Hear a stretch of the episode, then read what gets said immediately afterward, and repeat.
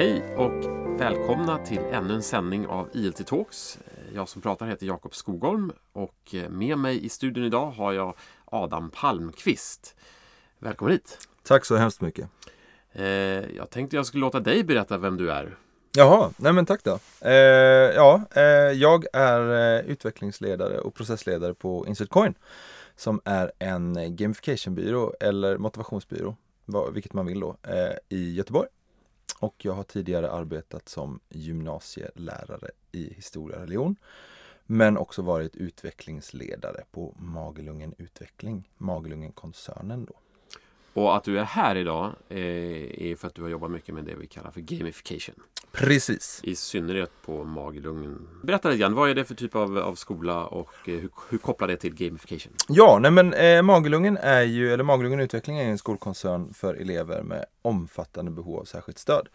Eh, så det är upp till på grundskolenivå är det till exempel socialtjänsten som gör placeringen. Så att det är eh, elever som har svårt för en normal eller en, eh, vad ska vi säga, en traditionell skolgång. Många av eleverna har olika former av diagnoser, psykiatriska funktionsvariationer främst. Eh, men Magelungen jobbar också väldigt mycket med olika former av långvarig skolfrånvaro, som det som i folkmun då kallas hemmasittare. Anledningen till att jag är här och pratar är för att jag har jobbat mycket med gamification med de här, den här elevgruppen då. Och eh, det var så det började.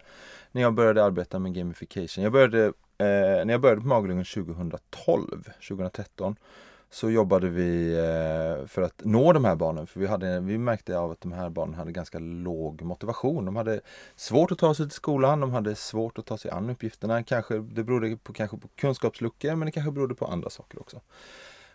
Och eh, vi letade efter en pedagogisk metod som var effektiv och då kom jag, jag letade och letade och eh, satt uppe på nätterna och kvällar och sådär. Och hittade då artiklar om spelbaserat lärande men hittade andra artiklar om någonting som kallades gamification då. Det här var då 2013-2014.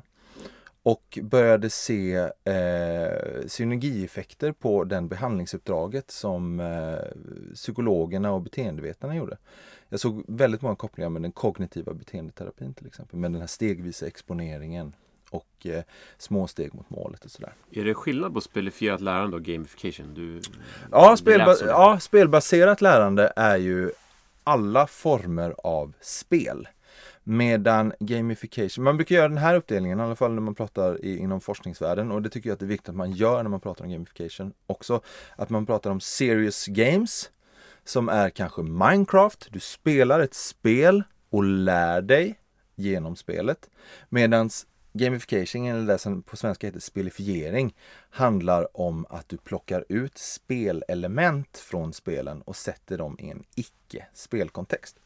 Och för ni som lyssnar då skulle jag kunna beskriva Runkeeper eller Nike Plus är två appar som är spelifierade. Det finns spelmoment i apparna, till exempel statistik, målsättning, man får eh, kanske poäng eller eh, ja, former av feedback som gör det här mer spellikt. Det finns många andra appar som har liknande funktioner också. Det här är väldigt vanligt inom träning men det finns också inom energi, eh, energisparande, det vill säga resurssparande, men också inom lärande. Så mm. förekommer det. Och det är inte samma sak som att ha mål för kursplanen och eh, betyg i slutet av året? Det kan man säga.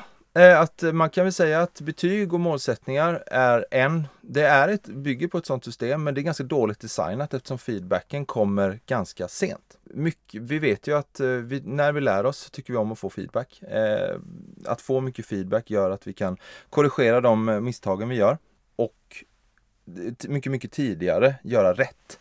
Eh, det är det som kallas formativ bedömning och det gör ju spel eller spelifiering nästan hela tiden. Vi får feedback på det som är bra och vi får inte så mycket feedback på det som inte är så bra. Och då fortsätter vi då göra det som går bra. Mm. Eh, den andra formen då, det som du pratar om med betyg och betygssättning och målsättningar, är ju en summativ bedömning, det vill säga att det tar mycket längre tid innan vi får den här feedbacken och då är den ganska omfattande. Det är svårt att ta till sig den här stora feedbacken. Och om lite, den är... lite sent att åtgärda också. Precis, speciellt mm. för då är kursen slut. Precis. Mm. Tillbaka till maglungen då. Du eh, för in den här metodiken kan man säga i, i verksamheten där. Ja, eh, på, funderande. främst på Göteborgsenheterna ska jag säga.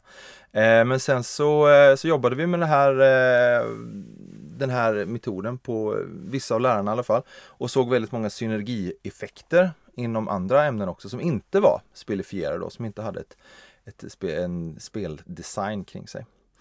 Hur, rent konkret, hur gjorde ni för att få in spelifierandet i, i den dagliga verksamheten? Det kunde vara väldigt mycket, dels att det behövde inte handla så mycket om eh, det som kallas badges eller det som kallas leaderboards eller poängsystem eller så. Så det hade vi inte så mycket utan vi hade mer av progressionen. Jag tittade väldigt mycket på hur man gjorde användarresor i spel. Det vill säga att man hade en identifikationsfas, en introduktionsfas, en konstruktionsfas och ett bemästrande fas. Så är nästan alla spel designade idag. Och den designen tog jag och la in i mina lektionsplaneringar. Så att jag lät eleverna vara på den nivån de behövde vara tills de levlade då om vi ska använda ett, ett speluttryck, till nästa fas. Vilket gjorde då att de hade tid. För vi vet ju, om vi tittar på John Hattie, hans metastudie Synligt lärande, att elevers eh, inlärningskurva och mognadsgrad skiljer sig. Att sätta elever eh, utifrån ålderskategoriseringar är ju någonting som är ganska förödande eftersom redan vid, när man är, går i femte klass så är en femteklassare kan vara på en sen treas nivå men också på en eh, tidig sjuas nivå. Men om man får vara på sin plats i sin kunskapsinhämtning tills man liksom har förstått och klarat att gå vidare, då har man större tendens att bli motiverad att fortsätta sitt arbete och att komma vidare i sitt lärande. Så det tittade jag väldigt mycket på när jag mm. designade mina lektioner.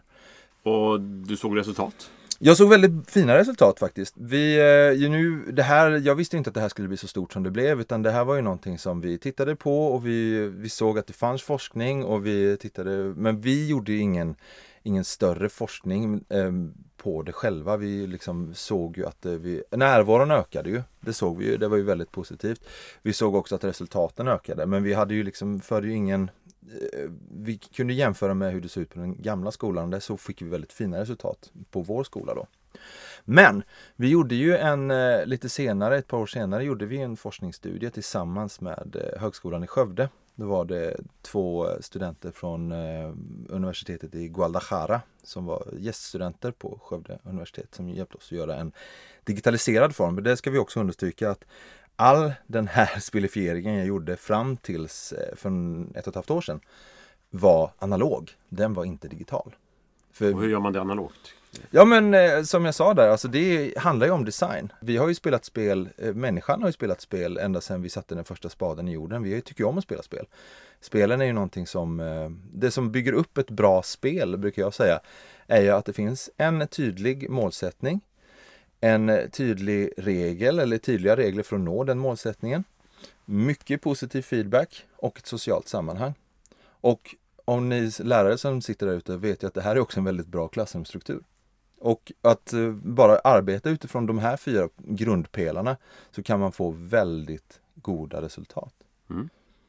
Eh, lyckades du även få dina kollegor att jobba på det här sättet? Ja, eh, några av dem. Eh, några av dem eh, var gärna de som satt i samma arbetsrum såklart. Då blir det ju mycket enklare. Alla som är lärare som lyssnar just nu vet ju att synergieffekter nås ju enklast i arbetslaget eller i arbetsrummet. Så där är väldigt många som arbetade på det sättet.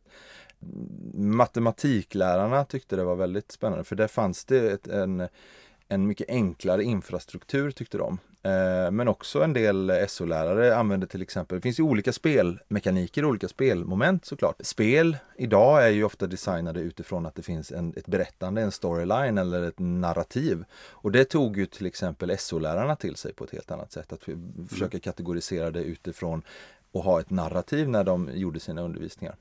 Medan matematiklärarna eh, inte tittade så mycket på narrativ utan tittade mer på hur man kunde arbeta med eh, poängsystem och liknande. Om, om de gjorde det. Och vad skulle du, om man vill börja med det här, om man liksom inte riktigt är, är så påläst och så som du. Vilken enda tar man tag i och har för några små tips? Och ja, eh, jag fick ju titta väldigt mycket på forskningsrapporter och gallra ganska mycket men nu börjar det ju komma mer och mer litteratur om det här, speciellt på svenska. Det är väl du delvis skyldig till? Ja, det- det jag. en bok då, Ja, jag är skyldig till det. Ja. Jag har skrivit en bok om det. Eh, men det finns andra duktiga författare som har skrivit eh, en del om det också. Till exempel Frida Monsén har skrivit en del om det också.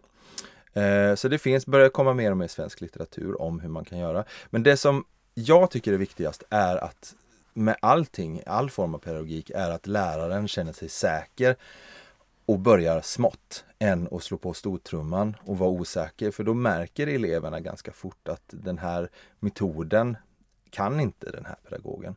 Och då blir det ofta fel. Så börja med en liten grej Och istället. vad, vad skulle den lilla grejen vara? Om du skulle ge en eh, enskild liten start? eh, En av mina eh, första spelifieringar var att jag spelifierade närvarosystemet. Eh, och det var det att jag hade elever som hade oerhört svårt att komma till lektionerna. Och eh, då gjorde jag ett, eh, precis som simborgarmärket eller scoutkåren, så gjorde jag att eh, när man kom efter fem lektioner så fick man en bronsmedalj. Efter tio lektioner fick man en silvermedalj och efter 15 lektioner fick man en guldmedalj. Och de här var fysiska som jag klippte ut så de satte i sina skåp sen. Då. Och eh, det här kanske låter väldigt banalt. Ja, man kan tycka det. Att det är Ja. nästan eh, mot en gymnasieelev som det här handlade om. Ja, det här var en Det var högstadieelev. högstadieelev. ja. Men ändå eh, som tyckte att ganska mycket var. Men det ska jag säga också att vi hade en, en stor, eh, stort spelintresse bland våra elever. Så de hajade ju det här direkt. Liksom. Att förstå att det fanns en speldesign bakom det här. Vilket gör, så det här var en av de första stegen jag tog. Vilket var oer, gav oerhörda effekter för elever som hade väldigt svårt att komma till lektionerna överhuvudtaget. Så därefter så gjorde jag att de skulle samarbeta. Så då gjorde jag medaljer för det. Eh, om de lyckades samarbeta för de hade svårt att samarbeta de här eleverna. Eh, och senare när, efter varje moment i eh, den kursen jag hade då. Eh, när de hade klarat av det så fick de olika brons, silver eller guldmedaljer. Då. Så det var också ett sätt man använde. Eh, men det som jag tycker är viktigt här är att alla medaljer, precis som simborgarmärket eller Svenska scoutföreningen, att de är en kompetensrelaterad återkoppling. Snarare än att man bara får en medalj. För eh, precis som eh, när man pratar Svenska simförbundet så vet man exakt vad man ska göra för att få den här medaljen och exakt vad, vilka färdigheter man har när man får medaljen. Men är inte närvaromedaljen eh, lite motsäger det? För där har du ju bara suttit av tiden. Ja men då var det att du kunde komma i tid. Ja. Det är ju det som är kompetensen. Mm. Eh, så definitivt. Sen så kan du ju man ha, ha medaljer för belönat för hårt arbete eller för andra saker. Men det var det ju just att det var beteendet som vi ville öka var ju att de kom till lektionen. Mm. Eh, istället för att inte komma till skolan överhuvudtaget. Ja, väldigt spännande. Och som sagt, sen har du skrivit en bok om det här. Det har tagit sin tid misstänker jag. Men Ja. den är ute och går att köpa om man skulle vilja. Ja, ja. Eh, Kanske ett bra tips för den som vill gräva sig ner i detta Mm. ännu mer. Ehm, skulle du säga att det här nu har du testat det här mot, mot elever med, med omfattande behov av särskilt stöd. Mm. Eh, jag misstänker, det är väl kanske det ultimata testet någonstans, men eh, funkar lika bra på alla elever? Eller? Ja, eh, det som jag har, jag har ju varit ute, jag är ute och föreläser ganska mycket om det här. Det är många skolor som vill att jag ska komma och föreläsa och prata om det. Och den feedbacken som jag har fått i efterhand är ju att det funkar väldigt bra för de som har, ja, är behov av särskilt stöd. Men också de som är lite, lite, känner sig lite omotiverade och känner det här stora mellanskiktet någonstans i skolan. Som Mm. Elever som skulle kunna prestera lite, lite mer. Och det finns ju ganska mycket forskning också som pekar på att det här kanske höjer eh, elevaktivitet och resultat på mm, arbetsuppgifter eller prov eller vad man nu har med eh, mellan 10 och 20 procent någonstans där. Och bara det är ju en, ett ganska signifikant resultat för en metod. Ja, så det är för nästan alla helt enkelt. Ja, Eh, Kanske nästan. minst effekt på de högpresterande eleverna. Det vet, jag kan inte svara på det. Eh, det är svårt att säga. Det beror ju helt och hållet på vad man drivs av. Och det här är också väldigt viktigt om vi ska prata om just det här. Man drivs ju av olika, olika ska vi säga, drivkrafter för att spela spel. Och eh, då gör ju spelifieringen uppdelningar att eh, det finns de som vill eh, spela spel för att de vill prestera. Det finns de som vill spela spel för att de vill socialisera. Det finns de som vill vinna och det finns de som vill upptäcka saker. Och det här tycker jag också är väldigt viktigt när man designar sina lektioner. att Varför kör jag in ett grupparbete nu? Varför har jag fotbollsmatch i, på gymnastiklektionen eller idrottslektionen? Vad finns det för syfte med det? Vad, vad, vad föder det för drivkrafter hos eleverna? Frågar man sig själv det så tror jag att man kan komma väldigt långt i skolan också. Definitivt. Ja, vad trevligt att höra och därmed är vår tid slut. Ja. Så att eh, jag vill tacka för att du kom hit. Mm. Och tacka alla lyssnare för att ni har eh, spenderat en kvart med oss här. Och eh, som sagt, man, vill man fördjupa sig i detta så är det, finns det både en och flera böcker att, att eh, ta del av där ute.